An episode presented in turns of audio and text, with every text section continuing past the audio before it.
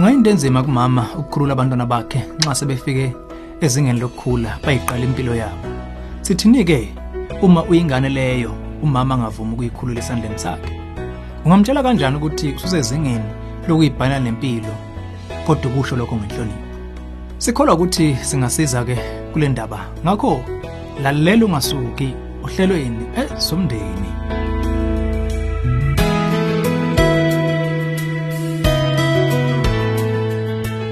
Angubingelele. Ezomndeni uhlelo kulethele izeluleko eziphathekayo ngaba ka focus on the family. Sithola umbuzo osuka enhlizweni enganeni esikhulile osekumele imele. Njengoba sengiko-20 weminyaka, ngingamsiza kanjani uma wamabona ngiseyingane? Kingimagcina kithi sobathathu. Ngenxa yokuba uthunjana, kwenza uma angaboni sengimdala. Kingenze njani ngalesi simo? Inkinga yakho ke imvamisa. Abazali abaningi banovalo ukudedele ingane isuke ebunganeni baqala ukuyibuka ngokwezinga lobudala. Ungathatha igxathi kuguqule lesimo ngokungena engqondweni kama wakho. Empeleni yini le eyenza uma wakho akugone kangaka noma usumdala? Angeke ke sikunike impendulo ngaphandle kokwazi okuningi ngesimo sakho ngqo. Nokho singakutshela nje ukuthi udaba olukhulu lolu emndenini lakho nakunomlando kunqubuzana owake wakhona emshadweni kumbe okwake abazali bahlukana. Isidleke esingenanyoni siyezwakala empilweni yowesifazane owake waqhelwa kude ngumkhwena wakhe. Lokho okwenza sigcwalise lesi sidleke ngothando lweingane zakhe. Esinye ke seyizathu lesi esenza abanye abazali bahluleke ukukhulula izingane zabo.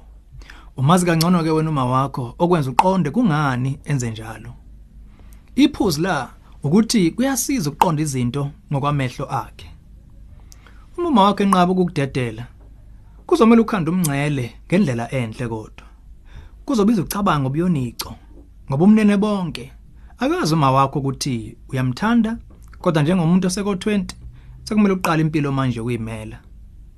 Angazizwe limele ngalokho nokho kusemqoka qonda ukuthi indlela yokukhula kwengane lokho injalo nje.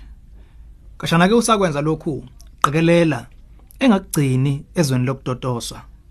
Uma kuukuthi nawe ucela kuye imali njalo nje futhi uncike kuwasheleni nguye hayi nawe phela uyayidlongisa leyo kudotoswa. Uma ke sumdala ziningi indlela zokugcina ubudlalo noma wakho bubuhle. Nazi ezinye ongayigcina engqondweni. Hlala ukhuluma iqiniso. Vuleleke exoxeni naye. Qonda imizwa yakhe. Mhloniphe uma wakho. Ngisho ngathiwa niboni kandlelanye. Ungakhi kwizolo likama wakho. Sonke siyawenza amaphutha bese sithola amathuba ezifundo ezintsha. Ungade udlala umdonswane ukuthi kwaba iphutha likabani. Lo mdlalo awunawini. Kusophe ukuthi ubudlalo noma wakho busemqoka ngaphezulu kwezinto eningavumelani ngazo. Siyathemba ukuthi lemicabango ibe usizo nokho uma ucabanga usadinga ukufunda okuningi emngcele. Bheka incwadi yethu emnandi ebizwa Boundaries ku safamily.co.za. Iyokukhombisa uletha kanjani impilo entsha ebudlelaneni bakho.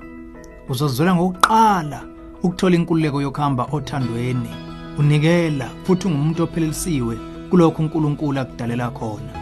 Yebo, ungakuthola ukukhululwa ekuzimeleni lokho okudingayo. Qinisekisa nje uveza inhlonipho nothando kulolu hambo.